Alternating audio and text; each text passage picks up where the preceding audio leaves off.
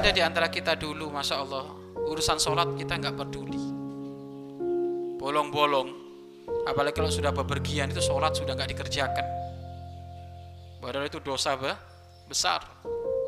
Tapi setelah kita paksa diri kita untuk senantiasa nurut patuh kepada perintah Allah, melaksanakan dengan kesabaran, akhirnya terbiasa so sholat. Kalau nggak sholat malah nggak ten nggak tenang. Kalau meninggalkan sholat malah gun gundah. Nah itu buah dari kesabaran ya gitu. Kamu kalau tidak mengamalkan kebaikan ada kegundahan, berarti kamu sudah masuk kepada wilayah manisnya ibadah kepada Allah. Tetapi kalau kamu meninggalkan kebaikan tidak ada penyesalan, tidak ada kegundahan, lempengan saja, maka berarti belum masuk wilayah menemukan manisnya ibadah.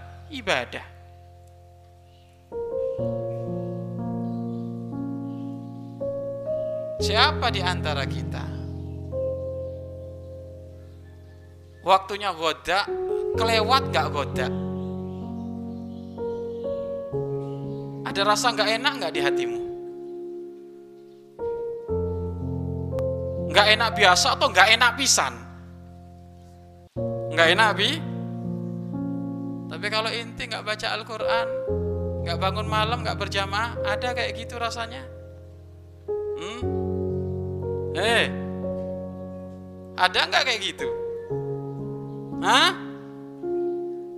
Jadi kalau sudah gak sholat berjamaah itu kayak dia ketinggalan goda, ketinggalan futur, ketinggalan asya. Wih, itu sudah lapor sekali tiba-tiba nyampe udah habis. Ya kan, lagi lapar sekali, nyampe udah habis, gak disisain sama temennya. Bagaimana perasaanmu? Ber berat. Nah, kalau sekarang kebaikan kepada Allah jika tidak dilakukan sudah menghadirkan rasa berat, tidak seperti itu. Kalau belum, berarti belum masuk wilayah manisnya ibadah, ibadah belum berarti. Inti manisnya baru nyampe bab makanan. Belum bab ibadah, ibadah. Ya, harusnya melebihi daripada itu. Kenapa? futur goda asya ini to'am untuk jasad kita ini makanan untuk jasad kita tapi kalau ibadah makanan untuk roh kita maka diutamakan untuk membangun roh daripada membangun ja, jasad tetapi itu semuanya dilatih dilatih. Bahkan ada orang lebih baik apa aku telat makan daripada telat sholat. Bahkan ada orang itu sudah saya sudah kenyang kok. Ini nggak sarapan benar tak ini? Nggak sudah kenyang saya. Kenapa? Saya pengen sholat duha saja. Oh ini berarti dia mengutamakan makanan roh ya.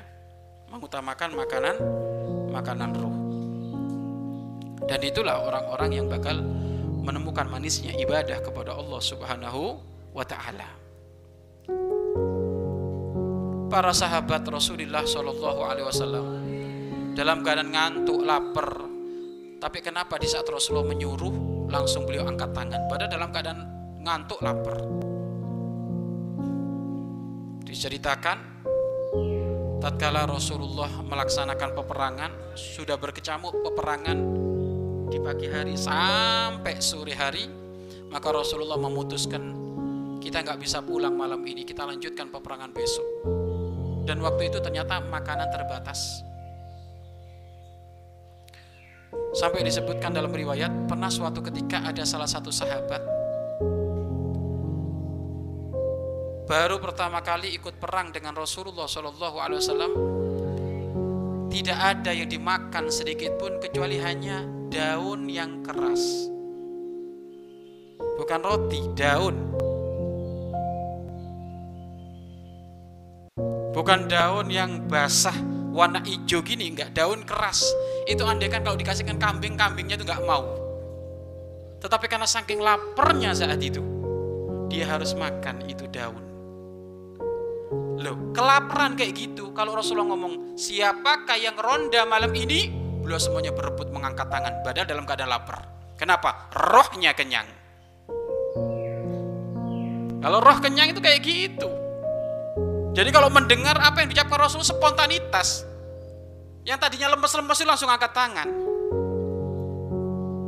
Kenyang jasa diperintah ngantuk. Hmm. Ah, ah, ah, nah, gitu. Kalau para sahabat tidak seperti itu. Nggak ada yang dimakan, nak. Kecuali apa? Daun yang sudah keras. Itu kalau ngasih kambing itu dipilah-pilih.